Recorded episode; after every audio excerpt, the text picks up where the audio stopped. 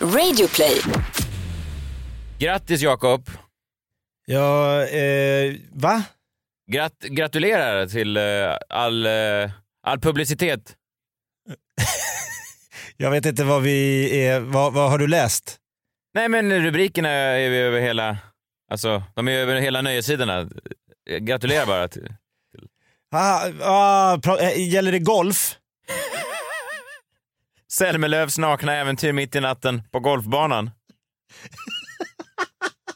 Ja, det är så Eh. hemskt när pressen, man, man kan aldrig få vara privat. Nej, i radioprogrammet Gry med vänner berättar komikern eh, Jakob Ökvist om ett avklätt äventyr med Eurovision-vinnaren Måns.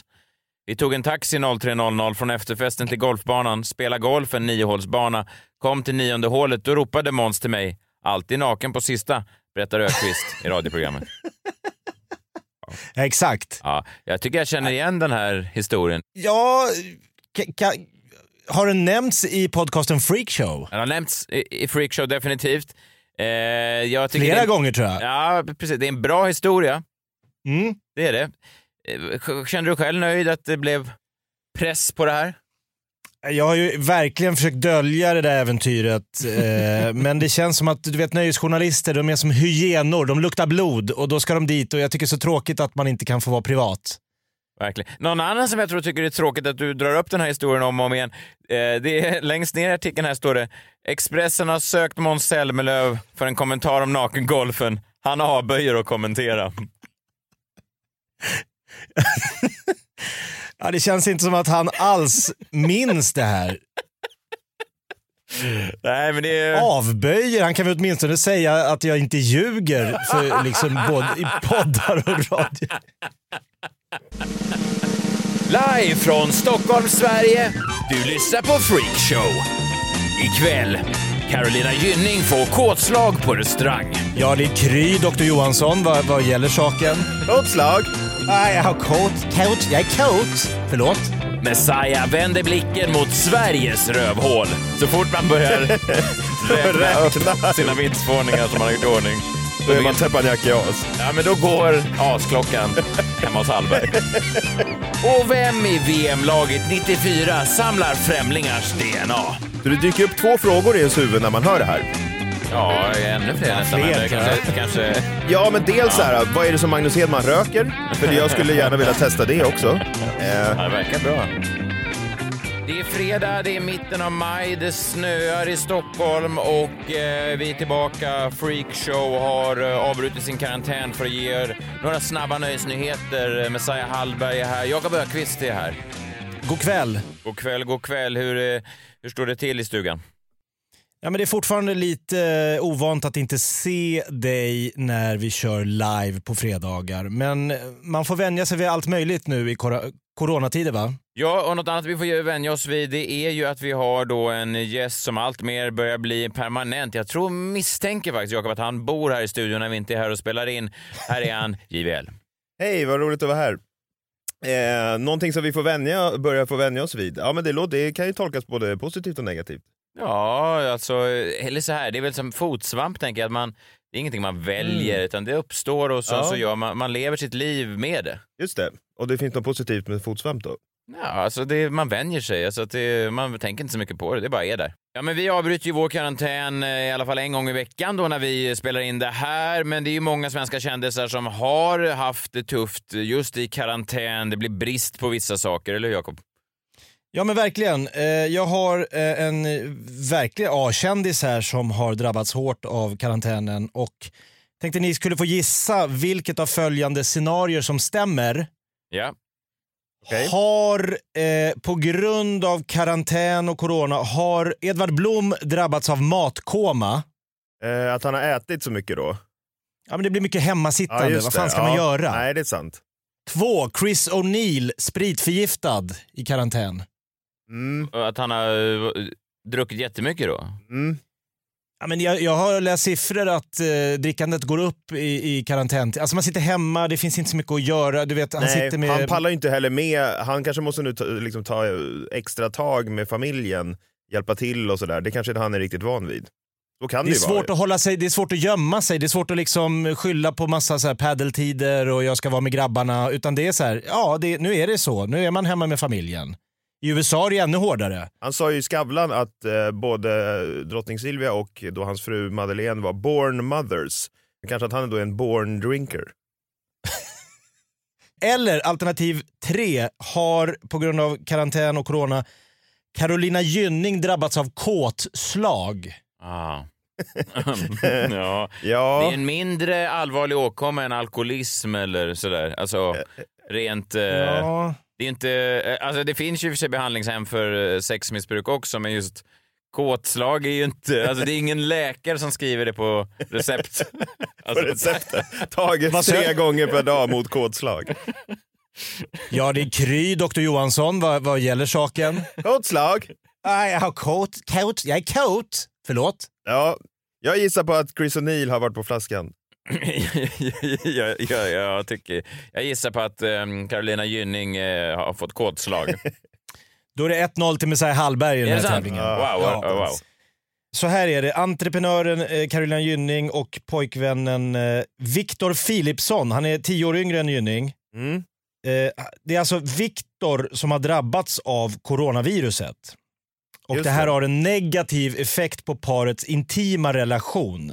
Ja, det förstår man ju alltså om de inte kan vara ihop, om inte Viktor är be- belönad med världens längsta penis, han kan vara hemma och samtidigt, alltså, men det är ju väldigt två meters... Ja, eller ännu längre. Vadå Så att den bara, alltså att han sitter i ett rum med Ja. sin penis Ja. och sen går den in i ett annat rum? Att, att man lägger den som en, alltså man kan ju ibland ha en vattenslang kanske som lägger sig under en dörr, dörr eller någonting för att kunna... Att, jag, alltså jag, Ja, jag, det är säger, ju- jag säger att det är, är det högst, så? eh, högst otroligt. Ja. Nej, Carolina Gynning berättar för Expressen att sexfrekvensen har gått ner med 100 procent. Mm.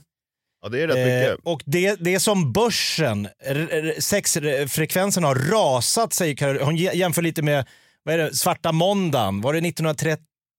Ja, Det är just det. Stora depressionen där, ja precis. Ja. Just det. det var ju oklart om den handlade om kodslag. Nej, men en annan typ liksom. av- Ja, just det. Mer ekonomiskt. Ja men det är upp, alltså allting, du vet när det går bra för börsen, liksom, man tror aldrig att det ska rasa. Du vet när Gynning och Filip hamrar på i, i, hemma i sängen, det är liksom så här.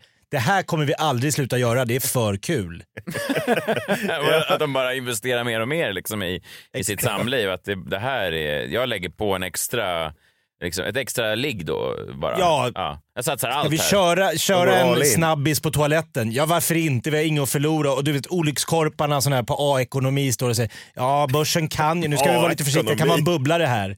Carolina Gynning sträcker sig efter fjärrkontrollen, trycker på mute när hon säger ja, ekonomi från 1997. Eh, repriseras på hennes TV. Ja de har lagt ner det. Ja men någon form. Man brukar ju säga så här typ när, när, när taxichaufförer, det här är inte mitt citat, när taxichaufförer börjar ge aktietips, det är då man ska börja sälja för då är börsen överhettad. Det kanske är när de två börjar ha sex på olika toaletter, det är kanske då man ska dra sig ur. Och Nu är då det överhettat. Då säger Carolina att hon orkar inte med Viktor, han ligger hemma och jämrar sig i corona. Så att hon gick ut med en väninna och det har gått så långt så att när hon kom på den här restaurangen då kunde hon inte ens titta på menyn utan att få allting på menyn att handla om sex. Jaha. Okej, ja, Förstår ni? spännande. Ja, inte riktigt. Ja men lite som, du vet när är det Kalle Anka när han är hungrig så, så ser han eh, långben och så blir långben en grillad kyckling. Ja, just det. Ja. Så det är en lång flintskallig servitör och hon bara ser en vandrande penis då? nej nej nej, menyn. Ja, okej. Alltså hon, hon, var på, alltså hon var på Taverna Brillo med en väninna Ja. och allting som hon läste på menyn kunde hon liksom, hjärnan kunde inte se maten utan hon fick det att bli, alltså det, det var sexanspelningar rakt upp och ner på hela den här Taverna Brillo-menyn. Oj. Så jag tänkte nu, jag har, jag har, jag har googlat fram menyn på Taverna Brillo Mm. Och så ska vi se om vi tillsammans kan gissa hur Gynnings hjärna har vandrat mot sex på grund av att hon har kåtslag, citat. De har bruschetta som, eh, på, som förrätt. Bruschetta skulle kunna vara då eh, italienska eh, för eh, förspel eller något sånt. Va? Förspel? Ja. Ja, jag vet, eller vadå? Jag tänker någon di dialektal, för hon är ju skånsk va? Mm. Körsfetta. Kös- Sjösätta. Sjösätta, Körsfetta. Sjösätta båten. båten. Nej, kyss. Fetta. Kyssfitta. Va? Ja men det är ju en uppmaning. Vad är det? Kö, kössfett. Va? Jaha. Ja men hur ska, vad ska, om, du, om du ska få allting på Ja, menyn jag till sex. Ja, okej. Mm, Ja, ja, okej. Så hon börjar med en Kyssfitta. beställning. Mm. Ja. ja, ja, det här vet inte jag, det är hennes hjärna. Jo, tydligen. Eh, sen eh, har, på förrätter har de den här risotto asparagi, Mhm. ridfort på min salami, Rid fort Rid fort på min salami. risotto asparagi. Ja, Ja. Ja men vad ska ni, alltså hur fan tolkar ni den? Nej, ja, inte exakt så, men uh, alltså... Ja, att Victor Philipsson då säger rid fort på... Han Nej. kanske brukar säga det då. Ja, eller, eller servitören om han är lite het. Ja, just det. Rid fort på min salami. Det är inte liksom, klassiskt dirty talk, men... eh, kanske i familjen Philipsson är det det. ja. Ja men det vet vi ju inte, men Nej. hon får ju allting på den här menyn på grund av den här, eh, att det har rasat på börsen. Ja, jag märker det från början. Det var bara en vanlig bruschetta och en risotto, men här har jag fått de två mest obehagliga sexuella bilder jag någonsin har Ja, ja, ja. fått framför mig. Spaghetti bolognese har de. Ja. Oj. Blir Eh. påsatt av kines. Av, av en kines. Ja. Bolognese. Ja. Det är det enda som rimmar. Jag vet inte hur hon ska... Nej, vi vet ju inte att det alltid är på rim i och för sig. eh, Och han, Nej, var, lite, var, lite rim- julklappsrim, men alltså bli påsatt, av en kines, rimmar ju nästan helt och hållet på spaghetti bolognese. Ja. Ja, det är ju... Det kanske inte är någonting som man ska, om man ska ge bort då en tallrik bolognese i julklapp, att, att det är det man ska rimma. Jag vet inte varför någon skulle ge bort men, nej, det är en konstig... Alltså, Nej men jag tänker att nu i och med att Victor ligger hemma så kanske hon börjar leta sig efter folkslag från Ja, andra delar av förstår. världen. För Victor eh, är väl inte, så visst jag förstår, han har inget ursprung från Kina. Nej, han är släkt med Aje Philipsson va? Ja, just det, precis. Som kanske i och för sig har besökt Kina någon gång, men inte mer än så. Eh, det, finns ändå, det där är ändå en koppling. Jag är inte stark. Det är en jävla verksamhet som pågår i Carolinas huvud. Hon måste ju se mer förvirrad ut än vanligt.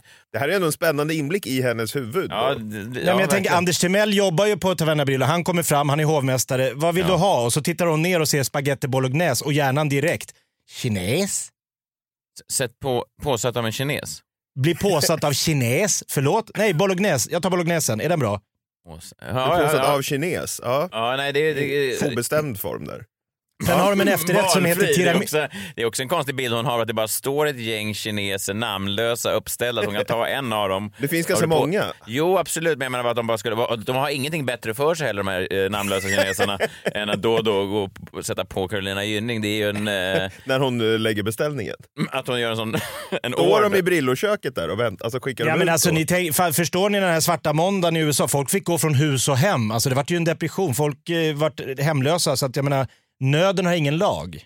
Jag hör det. Så jag tror att Gynning, alltså när man är så pass svältfödd, om om man har haft ett så aktivt sexliv som hon säger sig ha haft, alltså de har haft det hur bra som helst. Det har varit hela tiden jämt, jämt. Hon säger själv att- hon är en sexoman. Det är ungefär, eh, tror jag, en lika bra läkare... Alltså det, terminologin är ungefär lika godtycklig som just eh, kåtslag. Sexoman. Sexoman? Ja. Ja, Du är en sexoman, du har drabbats av kåtslag. Här får du två krumelurpiller. Det rimmar väldigt bra med hennes liksom, persona tycker jag. Att, Ja. hon är, att hon öppet går ut. Jag är sexoman, jag, jag är galen. Alltså det, det, det, man blir nyfiken. Definitivt. ja, det blir man. Ja. Eh, tiramisu har de på eh, som efterrätt då på Taverna Bril. Eh, det är väldigt god italiensk. Gillar ni tiramisu? Ja, väldigt mycket kaffe i den. Mm. Avec, är det någon sprit, är det någon likör? Vad fan det är? Ja, ibland har man ju i det. Jag tycker, en, jag jag tycker en riktig tiramisu har ingen sprit i sig, men många hävdar att man, att man ska ha det. Jag tycker att det förstör lite grann. Ja. Ja, nej, Pullamitsu. Var det Här en... måste jag ändå ställa några frågor.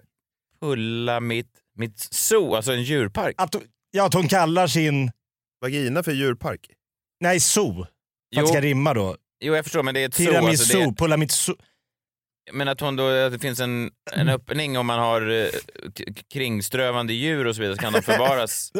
I vaginan? att barn kan kliva in och kanske peka och titta omkring och, vit äta popcorn tiger. där inne. Nej, men jag tänker att ett zoo, en, det finns glädje, det finns liksom en nyfikenhet, det, det händer saker där. Där, där, kan det, där sker saker som inte händer i övriga världen. Och då kallar hon sin privata del då sitt lilla privata zoo. Någon typ av Det är Tiger King ologiskt. Zoo då kanske? Där med Ja, olika exakt. burar, lite ja. mer exotiskt så. Mm. Inte, inte Kolmården eller Skansen, för det känns lite för mycket helylle va? Finns Joe Exotic där inne då också? Det tror jag att hon vill. Ja, Victor Philipsson ser lite ut som en ung Joe Exotic om man googlar honom. ja det är ju...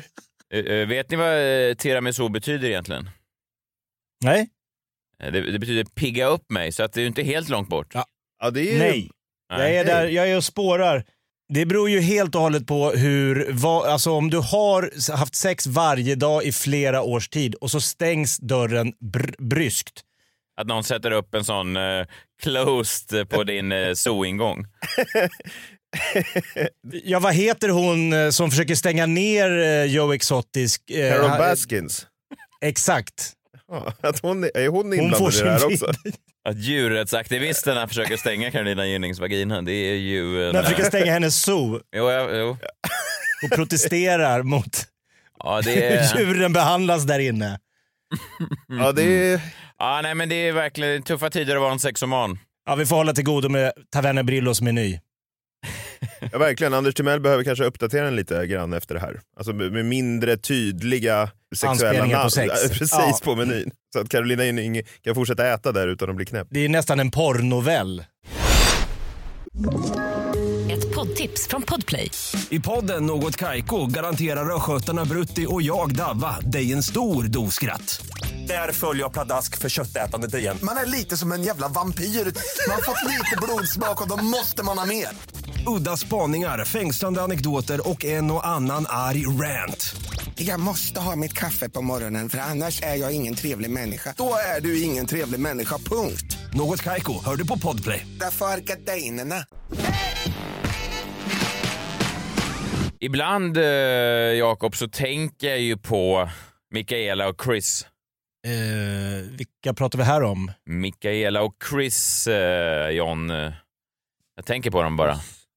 Nej, jag, jag återkommer till det lite Ja. senare. De skulle, precis innan coronautbrottet så skulle de ut på sitt livs resa. Men jag tänker på dem ibland, Mikaela och Chris. Jag undrar vad de är idag. Ja. Okej. Det är ju några ganska spännande resehistorier som har dykt upp i spåren av corona. Det var ju ett, eh, ett par från Sydafrika, jag vet inte om ni hörde om de här, det här var någon månad sedan, Olivia och Raoul. De åkte till Maldiverna den 22 mars. De skulle dit på en sex dagars eh, honeymoon, på sin eh, smekmånad. Men precis då när de kom dit eh, så stängde liksom världen ner. Alla åkte hem. De bestämde sig för att stanna kvar lite grann. Sen så stängdes då alla möjligheter att ta sig hem till Sydafrika. Oj. Så att det var bara de kvar på den här femstjärniga resorten. Ändå okej va, eller? Jo, det är okej. Alla anställda är tvungna att, att stanna kvar, för det står tydligen i deras stadgar. Så det var bara de två, då 28-åriga Raoul, en slaktare, och 27-åriga Olivia, en lärare. Jag vet inte vad de betalar slaktarna och lärarna i Sydafrika, men det är tydligen mer än här. Han kanske slaktar, alltså... Att han är maffia. Ja, alltså ja, han jobbar på mynd, alltså för myndighet och slaktar dissidenter från, från militären och sånt där. Ja, det är möjligt. Eller att han är någon för en vanlig slaktare, tänker. För det är femstjärnig resort på Maldiverna. Det låter ju eh, väldigt dyrt. Nej, det är ingen lärarlön i Sverige. Du jo- jobbar inte på Bredängsskolan. De anländer då på den femstjärniga Cinnamon Valley Fushi i Maldiverna.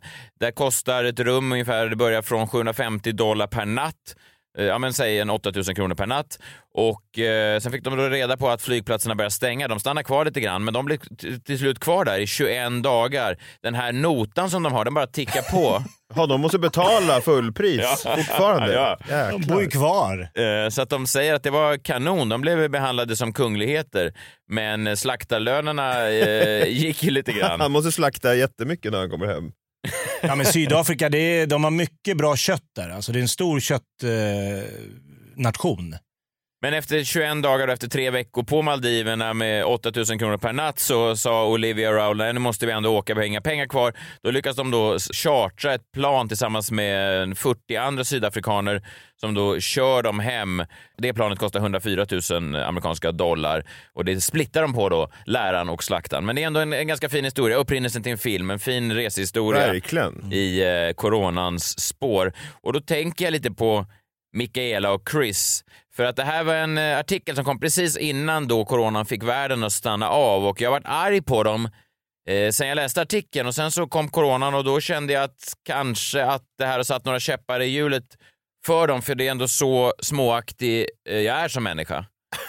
Ja, men jag tror att ni kommer bli provocerande också. De är, eh, det finns något provocerande i deras tilltal. Det här var en artikel som kom när världen fortfarande låg öppen, säg i januari, när folk eh, fortfarande trodde att världen var deras ostron, va? att det var bara att ge sig ut.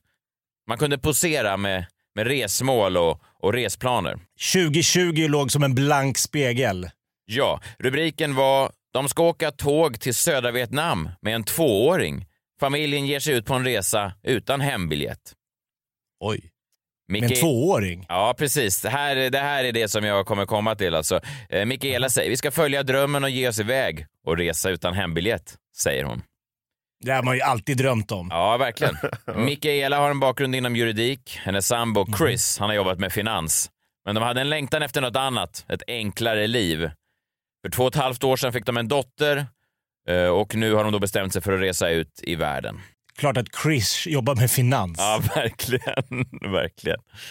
Och det är inte det faktum att de är ute och reser, jag tycker också om att resa. Det är inte det faktum att de tar med sig ett barn, det tycker jag också om att göra.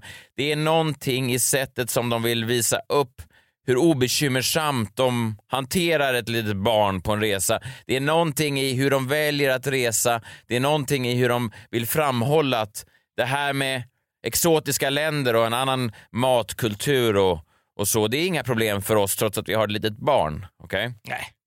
Det är bara härligt. Ja. Skönt. Det bar av i januari. Först med färja till Helsingfors. Såklart man börjar med en Finlandsfärja när man ska ge sig ut. Ja. Hade Chris varit på en Finlandsfärja innan? Nej, men det har han nu. Ja. Sen var det tåg via Moskva till Peking. Oj jävlar. Mikaela har haft en dröm att åka med den transmongoliska järnvägen. Och efter den så fortsätter familjen med tåg hela vägen till södra Vietnam. En rejäl resrutt. Ja. Hur länge familjen är borta, det är inte bestämt. De har inga lån, såklart de inte har. De har inga jobb. Och dottern Nicky, hon är för liten för skolplikt. Vi har gjort oss av med alla måsten för att ha den här friheten. Kanske är det någon plats vi vill stanna på, hitta lite inspiration. När vi reser får vi ofta ny inspiration, säger Mikaela. wow, ja, det är, Ja, vilket speciellt par det här är ändå. Och här någonstans börjar man ju långsamt förstå att det här är eh, tidernas mest irriterande par. Alltså det här... Men vad fan är det för, vem, hur har, intervju, hur har reporten fått, liksom, no, har de ringt in nyhetstipset själva? De skickar sms till att 77 111 på Aftonbladet. att, Har ni de, hört det här? att de bara ringer in och bara “snart går tåget”. Psst, psst, snart. Vi står här på stationen. Vilket tåg? Nej, men långsamt börjar man ju förstå att det här är då en uppdatering av det här som hände för tio år sedan, den väldigt omtalade artikeln som kom då. Jag vet inte om ni kommer ihåg Teppanyaki-hällen? Det var ju Jag kommer ihåg. det var kanske första gången som ett sånt här lifestyle-reportage väckte känslor bland svenska folket. Det var en artikel som hade rubriken “Vindsvåningar har blivit ett sätt att leva”. Den publicerades eh, i oktober 2010 och när man läser på den nu eh, så är den fortfarande, eh, ja, den är nästan mer provocerande tio år senare. Nej, man tänker sig att världen skulle ha närmat sig Teppanyaki-asen, men nej. Ja, exakt. Nej, eh, jag, jag känner mig längre och längre ifrån dem. Nu när man läser den så framstår den som en, som en skämtartikel i en... Eh, Kallas de Teppanyaki-asen i artikeln? nej, det la jag till. Okej. Ja. Det var då alltså tio år sedan man fick följa med hem till Rick Tour och Nina Persson som hade gjort i ordning sin andra vindsvåning. Sin andra är ett nyckelord här. Så fort man börjar räkna, Räkna. upp sina vindsvåningar som man har gjort i ordning Så är man vet- Teppanyaki-as. Ja, men då går asklockan hemma hos Hallberg. Det är också någonting med först Chris och nu Rick. Ja, jag vet. Jag vet. Och artikeln börjar och redan första meningen är, ja men den kommer ju aldrig gå att toppa. Den är, alltså den, det finns inga sätt man kan vrida på den här meningen utan att, att det kokar. Okej. Så tidigt alltså. Ja, direkt. En mening. Bara några ord. Aj, aj, aj. Erik, Få höra. Erik Tor heter han. Eh, mannen som... Ja. Erik Tor vänder vant de spröda råvarorna på sin teppanyaki. ja. Ja. Klart att han är van. Ja, han är van. Man Och- pratar ju om vikten av en stark första mening i, i artiklar och litteratur. Det här får man ju ändå säga att de lyckades med det. Den är ot. Den är, ju, den är ju i stil med Strindbergs Den Hemsöbor när de kommer med ett krus kring halsen och fan det är. Erik Thor vänder vant de spröda råvarorna på sin teppanyaki-häll. Vant. Ja, det är många, Ja, det går ja, att det- dissekera den här. Nej, råvarorna Det är spröda. det Spröda. Nej, men det är också en mening man skulle kunna visat för någon eh, 2010 i Boden och de skulle knappt förstå en, ett ord i meningen, knappt hans namn. Vad hette han sa du? Stanna där, jag, jag, jag hänger inte Jag med. måste processa det här. Backa bandet. Ja, han fortsätter eh, an- en mening. Vi lagar mycket asiatisk mat sen tidigare, men en- under varje resa snappar man upp nya smaker. De här kryddpastorna köpte vi i Peking förra veckan. Säger... Förra veckan är bra också. ja, Alltså, han- nyss hemkommen från Peking. Nyss. Säger Erik och korkar upp en flaska vitt vin tillverkad på Semillon-druvan. ja, men den är... Om man tror att den inte kan ta... Jo, nästa mening. El... De pratar, de, pratar, förlåt. de pratar om vinflaskan. Eh, Nästa mening är då... Förlåt. Enligt den sydafrikanska gårdsherren som sålde honom flaskan. Åh, det är så bra. Det är så bra. Enligt den sydafrikanska gårdsherren som sålde honom flaskan ska den passa utmärkt till stark asiatisk mat. Ja. Här var man ju redo för tio år sedan att åka hem till Eriks vindsvåning i Vasastan och skjuta honom på plats. Här laddar man ju bössan. Det var Ehm, då de här bombningarna började. Ja, det... Ja. Åh, herre jävlar. Ja. Men i det här reportaget, i det här tågreportaget så är det ju då inga teppanyaki heller. Det är inga sydafrikanska gårdsherrar. Ändå känner jag lite samma irritation. Och då tänker jag, vad, vad beror det på? Är det, är det för att kanske poserandet är likadant? Att det där lite vidriga i att inte hålla tillbaka sin egen framgång och välmående som är så provocerande? Alltså, vad är ni för svenskar som inte har lärt er det svenskaste av alla känslor? Självhat och, och, och hålla tillbaka sin egen framgång. Det är ändå det som förenar oss här på något sätt. Ja, Verkligen. ja. Att resa med en dotter som är två och ett halvt år hela vägen till Vietnam med tåg, det kan verka svårt. Men inte för Mikaela. Vi har rest ganska mycket med henne redan, säger Mikaela. Ni har rest ganska mycket. Hon är för fan två och ett halvt år. Hur mycket har de rest? Hur mycket har Mikaela rest? Det är helt De tog otroligt. flyget direkt från BB ut i världen. Och så är det en bildtext här på Nicky när hon är i någon jävla djungel. Nicky har rest mycket, bland annat till Kamloopa i Kanada. Alltså, den här tvååringen som säkert är fantastisk, men hon har alltså rest mer i världen än vad jag har gjort med mina 36 år. Det får ju mig att känna mig halv ändå. Eh, det måste jag säga. Ja. Hon har fler stämplar i passet där bak än vad du har. Ja, verkligen. Vad är bäst då med att resa? Jo, men det säger Mikaela, det som är absolut bäst är att vi kommer spendera mer tid tillsammans. Vi längtar efter att umgås som en familj. Och, och, och då tänker man, Jakob, du har ju också en familj med barn och man tänker, det är ju ändå ganska ovanligt att man känner Vet du vad jag saknar just nu, eh, älskling? Det är mer tid tillsammans. Alltså jag, Ja, det den här är där- lite kontroversiellt. den här tiden när vi bara är du och jag och, och, alla barn. Det, skulle man kunna skruva upp den tiden lite Kan grann? man dubbla den? ja, men den är ju inte... Det, det är inte så... Jag vet att min tjej sa till mig senast igår, jag tror att vi är alldeles för mycket tillsammans. Alltså det är motsatsen till den här artikeln. Ja, hon vill inte åka iväg på den transmongoliska... Det kommer inte med i SvD Lifestyle. Nej. Nej, och sen är det också det här liksom bara det utmanande att åka med barn alltså. För att jag minns när jag skulle ut till eh, vårt landställe, då är det en liten båt man kan ta som tar så här 20 minuter eh, ut i Stockholms skärgård. Och jag minns när jag hade en tvååring, det var ju, de, de 20 minuterna kändes ju som två jävla år. Det var ju, alltså min dotter skulle ner och plocka upp allt i papperskorgar, hon höll på att slå ihjäl sig, från, de trillade från någon trappa. Alltså att sitta De håller på- på att ramla i vattnet, de ska fram och titta efter fiskar. Ja, men det är helt otroligt. Men Mikaela och Chris ser inga sådana här problem. Att resan, att resan görs just med tåg, det är ett medvetet val. Visst, vi kan flyga någon gång, men vi vill gärna så snälla som möjligt mot miljön.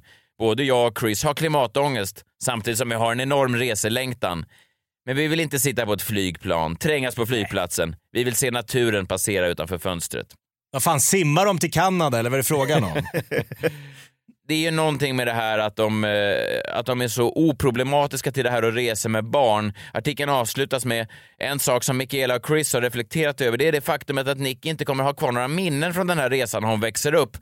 Och då tänker man ju, men hon kommer i alla fall ha kvar den här artikeln som alltid kan påminna henne om vilket vedervärdigt poserande partyföräldrar hon hade.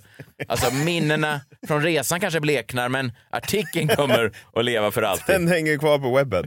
Då skriver jag ut den och sätter upp den på hennes flickrum. Och, och jag tänker bara just det här med, med att ha barn överhuvudtaget. Jag, jag, jag kan inte förstå, jag hade några vänner nu som sa att de skulle få tvillingar. Och jag vet inte ens vad jag ska säga längre. Alltså jag är så nöjd att mina barn är i den åldern de är, att de är stora, att de kan liksom ta hand om sig själv lite grann. Alltså det var då en, en vän som sa att jag skulle få tvillingar. Jag vet inte, jag kan inte säga, vad ska jag, jag, jag är nära att säga så här, ja men jag beklagar. Jag vet inte vad jag ska säga.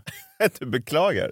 Ja, men jag vet inte vad jag ska säga, alltså, för det finns ju ingenting som inte blir bättre när barnen blir större. Det finns ju ingenting som man saknar från de där första åren. Många säger att det går väldigt fort eh, de där första åren. Nej, det är påhitt. Men alltså det, det finns ju ingen svensk komiker som inte har sagt så här, Nisse Hallberg-typer säger jag hatar komiker som står och tjatar om sina barn på scenen. Och så fort en komiker sen får barn så är det hela materialet bara en och en halv timme om helvetet med att ha barn. Ja, men, men verkligen. Eh, Jag minns en gång i en eh, podcast som jag hade förut då, eh, med, med dig John, Geniförklarat. Då hade du, eh, du satt och eh, beklagade över barn som störde på flyg. Ja, det var ju drygt av mig. Ja, och då sa jag att eh, John, jag tror, jag var mogen då. Jag hade små barn själv så jag förstod lite, liksom... eh, Där var du lite närmare paret i artikeln. Ja, Verkligen. Ja. Alltså jag, eh, nej, men jag sa att det finns ingen, ingenting som du känner kan gå upp mot den stress och den äh, ångest som föräldrarna känner som försöker få tyst på sina barn. Det, man ska acceptera barn som skriker på ett flyg. Liksom. Det är ingenting man kan göra någonting åt egentligen. Och, och då, nu slogs jag bara av att tio år senare så tänker jag, för att jag kommer ihåg, för då kommer jag ihåg när jag sa det här i podden, så tänkte jag undrar om jag någonsin kommer skifta tillbaka. Att jag istället blir en sån här kille som John då, en kille utan insikt som bara gnäller och, och tänker, vad fan, va? Ursäkta. Ja, eh, nej, men att, jag, att jag blir en sån här kille som bara säger, ah, ska jag lyssna på det här gnället i tio timmar? Det undrar jag då. Och svaret är ja, nu, absolut. Så här, åtta år senare, nu är jag tillbaka John, hos dig. Alltså, Ja, okej, det hände i somras, jag flög, jag hade en sån här gnällande unge bredvid mig. Nu tänkte jag, vad fan, håll sätt, säg åt ungen att vara tyst för fan. Ja, det var väl kanske inte exakt så jag tänkte, men jag har något att, jag förstår. Ja, men, men- då hade jag ju en insikt då. Ja men för att jag sitter ju med mina barn, de sitter ju bredvid mig, de sitter ju, men far vilket härligt utflyktsmål du har valt för oss. De är ju sofistikerade, de sitter ju inte och gnäller och skriker. De är ju, alltså de sitter Är och... de far? Är det samma barn som jag brukar träffa på Ja, midsommar? ja, ja, ja, ja visst, exakt. Ah, wow. Ja, och, och jag vet liksom inte vad jag ska säga till barn, för jag förstår att när man får barn så är det är kul och väldigt många har svårt att få barn och sen till slut får de barn och det är såklart en gåva och fantastiskt och allting. Men det finns ingenting, det finns ingenting som föräldrar med små, små barn som de upplever som inte blir eh, massa procent bättre när barnen blir större och det blir inte lite bättre, det blir så här 100-200 procent bättre blir livet när barnen växer upp lite grann. Alltså det är, det finns ingenting som man saknar från de där första skrikiga två och ett halvt års åren som de nu ska ut med på den transsibiriska järnvägen. Men, vad Eh, med, vad, men eh, Chris och Mikaela här Ja. nu då, menar du att lever de i förnekelse eller är de bara, alltså de po- poserar och sen ljuger de liksom? Jag vet inte. Jag har ingen aning. För att eh, jag hade några vänner som satt en diskussion på Twitter. Det är då podcastaren eh, Nemo Hedén och ståupparen Farsad Nouri. De pratar, eh, Farsad skrev, vad gör man med en unge som vaknar 05.00 varje morgon? Finns det något trick för att få henne att somna om? Eh, Och då svarar Nemo, ja fan jag har samma problem, min dotter går upp 05.00 också. Och då svarar jag bara, bit ihop och så blir det bättre om tio år. Och eh, Fan vad taskigt! ja, fast jag Stackars tycker... Nemo Farsad. Jag tycker att de ska få höra sanningen. Det finns ingenting som inte blir bättre. Var du nöjd då? Skulle man kunna gjort ett hemma hos-reportage direkt efter du hade skrivit den där kommentaren? Jag tänker att du var ganska nöjd då. Ja, jag är nöjd varje gång jag ser mina barn sitta där och säga “Men far, hur är det, det politiska läget verkar akut”. Alltså det är så jävla härligt att ha åttaåringar och, och, och elvaåringar. Det är ljuvligt är det. Ja. Ehm, Ja men det är ju det är lite hoppfullt i alla fall då för Nemo Farsad. Alltså att det biter ihop om tio år. Alltså då... då Ja, Man får ju inte hopp i, nu, i nuet när man läser ett sånt tweet. Nej, nej men... Jag, Men det är kanske bättre att tugga i sig det där sura och fatta, alltså att det inte kommer något. Ja men ni kan ju testa med Nickelodeon på iPaden. Nej, exakt. Jag tror att det är bra att vara ärlig och jag tror att det är viktigt att vara eh, tydlig. Och jag, jag vill återigen då understryka att jag tycker att de där första åren med barn är fantastiska. Eh, man har gjort det, man, man ser det som en stolthet, man, man bär den där stjärnan på bröstet med, med, med stolthet. Alltså lite som att man har legat i krig. Alltså de som, som kämpade för USA i andra världskriget, de är ju stolta såklart. De är ju nöjda, de har stått upp för sitt land, de har lärt sig saker. De kanske har blivit av med ett ben eller något på vägen, men de är i alla fall... Alltså om någon frågar, var du med i kriget? Ja. Men sen då tio år senare när de bara, ja, du ska in igen i, i militären, nu är det något krig i Korea. Då säger man, nej för fan! Nu, nej, jag har ju varit där. jag har ju gjort den där skiten. Nu har jag blivit av med ett ben. Nu vill jag bara sitta här och bli full och tjock på potatischips. Det är det jag vill göra. Koreanerna får klara sig själva. Och det är väl det någonstans som jag vet att det är så föräldrar känner och därför blir ju de här Mikaela och Chris än mer provocerande för mig. Ja, jag förstår. Du har ju ibland lekt med tanken eh, att du skulle ha ett tredje barn. Jag antar att det är off the table nu. Eh, Det är korrekt uppfattat. Det Ja. blir en teppanyaki-helg istället. Men så ibland kan jag bara undra vad Mikaela och Chris gör idag. Är de fast Spännande. på den transsibiriska järnvägen? Hur får vi tag på dem? Jag hoppas kanske Tänk att om de de lyssnar. Ja, det vore ju högst eh, oväntat ändå. Ja, men ändå, de behöver ju mycket tid att bränna. Alltså så här, på den där järnvägen. de, liksom, de kanske har lagt upp något så här, rekommendera poddar, någon har rekommenderat och sitter de och bara lyssnar nu. Ja, det vore ju ödets Då, ironi. va? då får de i alla fall höra av sig och säga vad- hur det går. Verkligen. Det skulle vara kul också om de träffade i Peking, för de skulle väl via Peking va? Mm. Om de träffade teriyaki... Ter, ter, ter? Som är där och köper lite kryddpasta. Erik Thor står där med några nya burkar kryddpasta. Han har, han har klämt in en snabb layover i Peking innan han ska vidare till Johannesburg och hämta upp en ny flaska vitt vin. Och sen hem till vindsvåningen. En av vindsvåningarna. Passar den här till spröda grönsaker? På tal om spröda grönsaker, eh, JVL, du sitter redo. Ja, jag är, Du är ju vegetarian. ja det är det. Eh, Jag har ingen ja. teppanyaki-helg dock. Nej, men jag tänker att du ofta befinner dig i en värld, alltså att du ofta tänker på spröda grönsaker. Jag vet faktiskt inte vad spröda grönsaker är. Det vet du nog. Ja. Ehm, ja, men vi lever ju i speciella tider. Vad säger ni om det? Frågas. Ja, Ja. verkligen. Eh, Det saknar, bör du ni, veta. saknar ni sport? Ja, verkligen. Ja, men det gör man ju väl ändå. Alltså, till och med så att man funderar på att se den här tyska skitligan Bundesliga bara för att det är den enda, det enda alternativet som snart kommer att dra igång. Ja, den ska väl dra igång nu här om, ett, om en vecka eller något. Så det, det börjar ju så smalt öppnas upp, eh, sportfältet igen. Men jag tror ju att alla de här äh, sportdokumentärerna om Maradona och Chicago Bulls Ja. och sånt där, de går ju så jävla bra nu på grund av äh, att det inte är någon sport. Verkligen. Och SVT gjorde ju sitt drag då och sände de här VM 94-matcherna då eh, i sin helhet. Ja. För första gången då sedan 94 som jag fattade det. Mm. Så, kollade ni på dem? Jag såg bland annat att Kenneth Andersson missade ett läge i Bulgarien-matchen och skrek “Fitta!”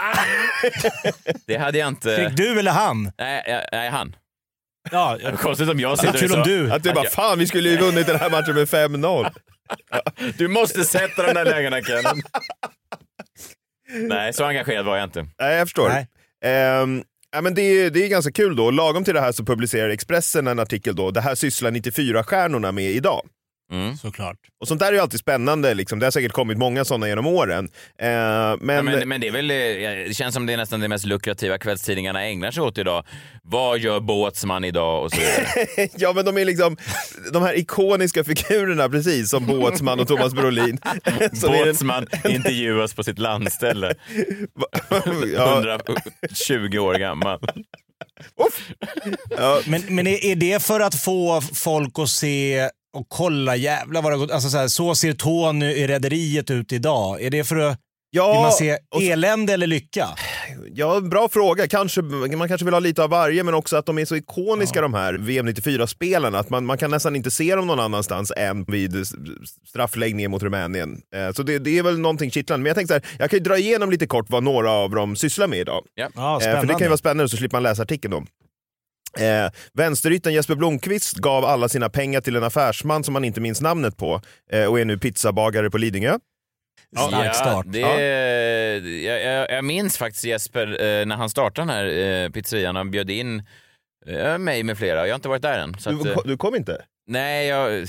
Aha. Alltså jag, jag vet inte, det är någonting med att någon ska, en, komp, alltså då en vän ska stå och, och, och baka pizza åt en som känns... Ja, ehm, Eller jag vet inte om han gör det själv, men jo det gör han. Okej. Ehm, ja, men han gav ju alla sina pengar till en affärsman. ja, jag, mm. Det var ju dumt kanske. Som man inte minns namnet Nej, på. han minns inte vilket namn det var när de frågade vem det var. Du ja. hade ju eh, tidigare i den här podcasten John en, eh, en spaning om att många idrottsmän har en blåst på pengar-aura och att det var ju väldigt många idrottsmän som just hade gett sina pengar till affärsmän med tvivelaktiga bakgrunder Ja, och ungefär framtider. så. Ja. Så var det. Och Jesper Blomqvist var ju tyvärr en av dem. Då. Mm.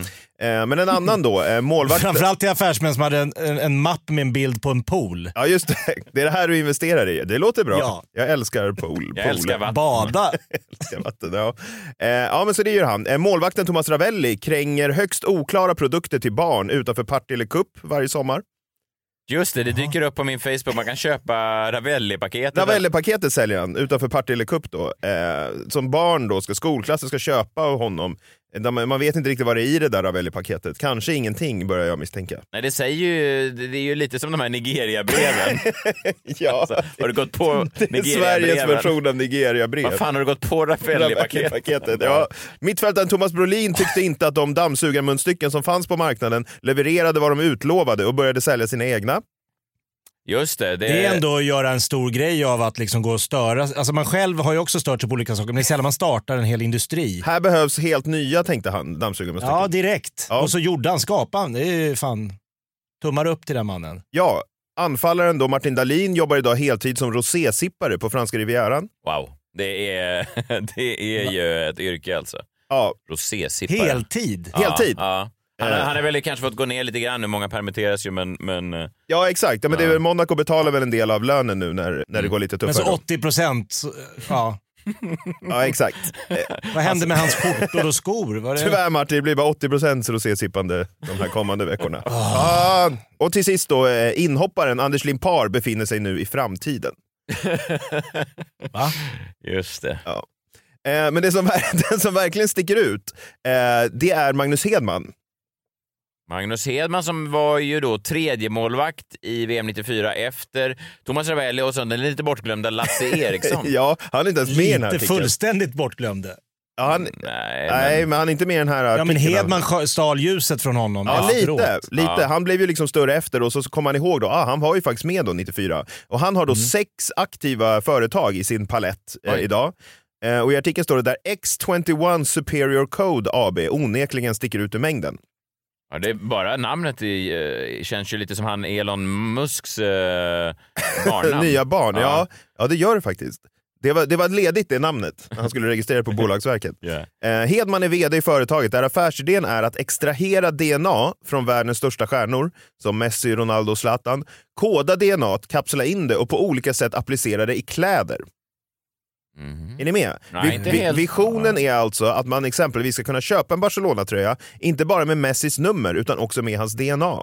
Inkapslat i tröjan. I kläderna. Vi hoppas att kunna erbjuda fans inom sport och underhållning en möjlighet att köpa ett samlarobjekt som är unikt i sitt slag, sa Magnus Edman till Breakit vid företagsstarten. Så det dyker upp två frågor i ens huvud när man hör det här. Ja, ännu fler Ja, nästan. fler, men eh, kanske, kanske... Ja, men dels Ja. så här, vad är det som Magnus Hedman röker? För jag skulle gärna vilja testa det också.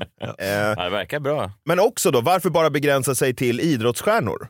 Nej. Det här borde kunna vara en större marknad, tänker jag. Att samla in DNA eh, från kända personer och lägga det i kläder. Eh, precis, man, ja, alltså koda DNA, kapsla in det och på olika sätt applicera det i kläder. Är Okej. liksom själva idén då.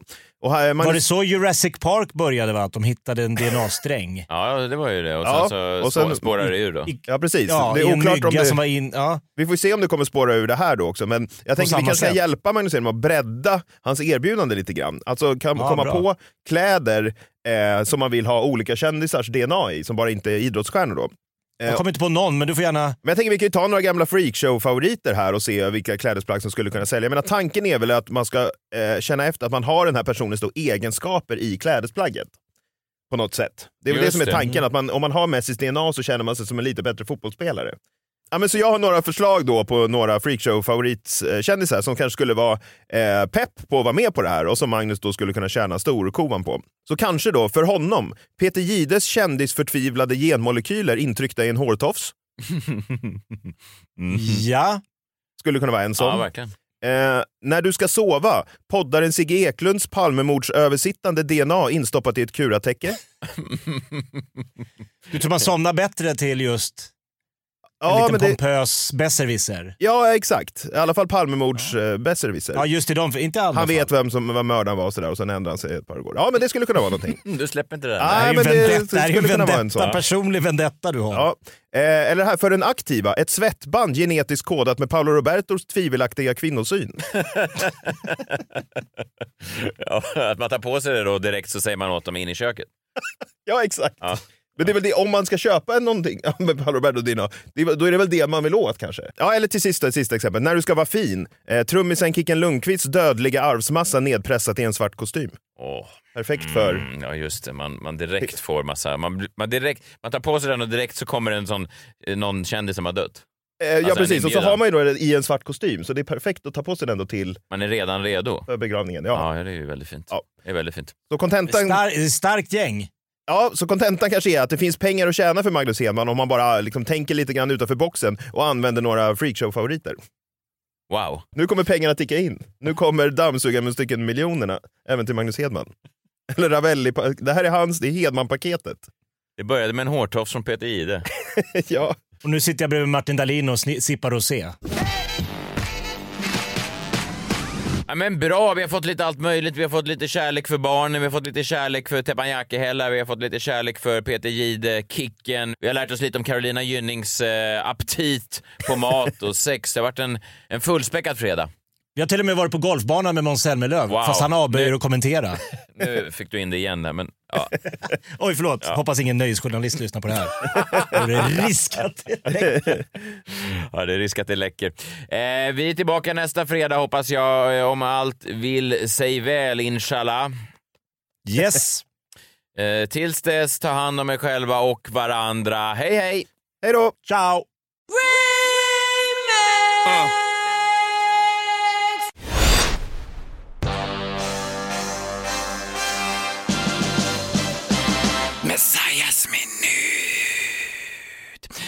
Doktor Alban känner ni till, en härlig artist, eh, tandläkare, legend egentligen. Ja, ja, verkligen. Ja, han har ju varit eh, med så länge som jag kan minnas och han har ju ofta dykt upp så där i, i sammanhang som man tänker, jaha, eh, vad- vet han om det här? Och så har han en härlig låt och så tänker man, Mm. "Ja, vad härligt. Igår kväll då så släppte han en låt om det rådande coronaläget. Vi kan bara lyssna lite på vad budskapen är i, i låten. Hello Sverige, lyssna på Tegnell. Han är stabil, rock Jag älskar det här. Ja, jag vet. Han eh, uppmanar då Sverige, hello Sverige, lyssna på Tegnell. Han är stabil, rak och rationell. Ja, Rak sjöng han. Jag hörde inte riktigt det. Nej, han, rak, exakt. Rak och rationell. Ja, och han har ju då gjort om sin gamla hit Hello Africa till en ny låt som uppmanar då svenskarna att tänka till, lyssna på Tegnell, tvätta händerna. Så att budskapet i låten är ju jättebra. Det har jag absolut inga problem med. Det är kanon. Mm, Ja, ja. Lyssna på experterna, det är ju fint av Alban. Han har ofta lånat ut sina låtar till sådana här viktiga budskap. För några år sedan gjorde han den här för Trafikverket. Då gjorde han en låt som heter Tio små moppepojkar. Jag vet inte om ni minns den här. Tio små moppepojkar körde till en bio. En körde vilse, sen var de bara nio.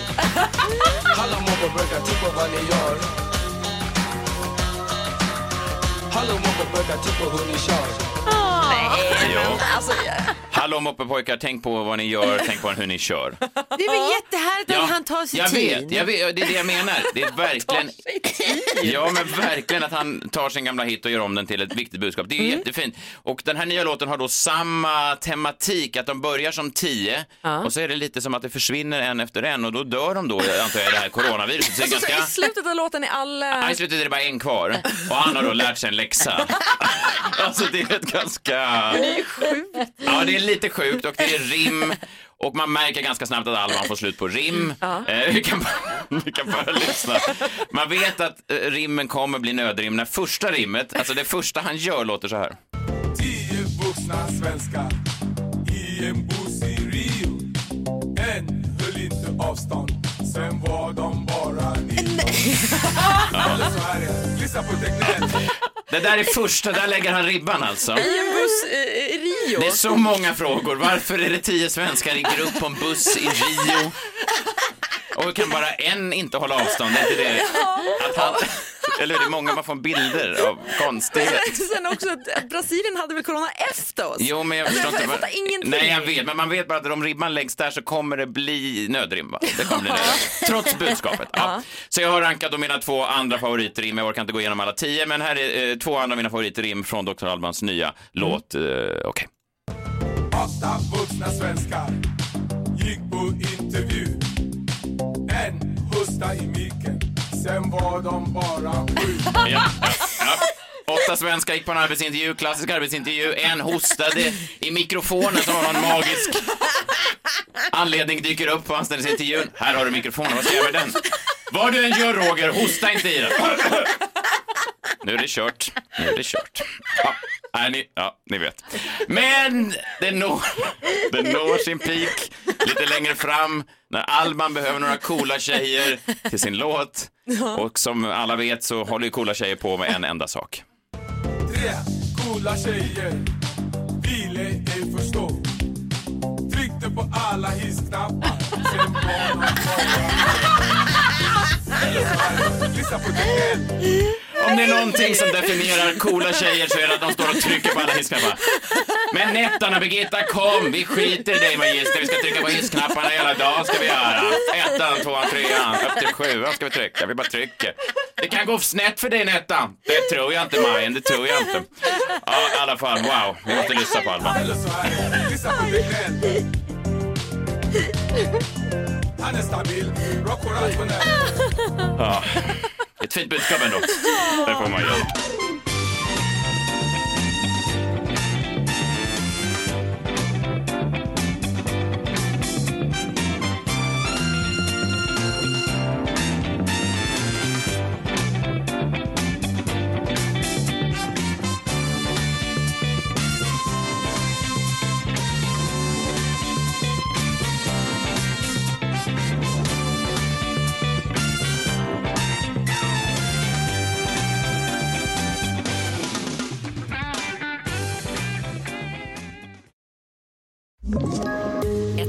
Poddtips från Podplay.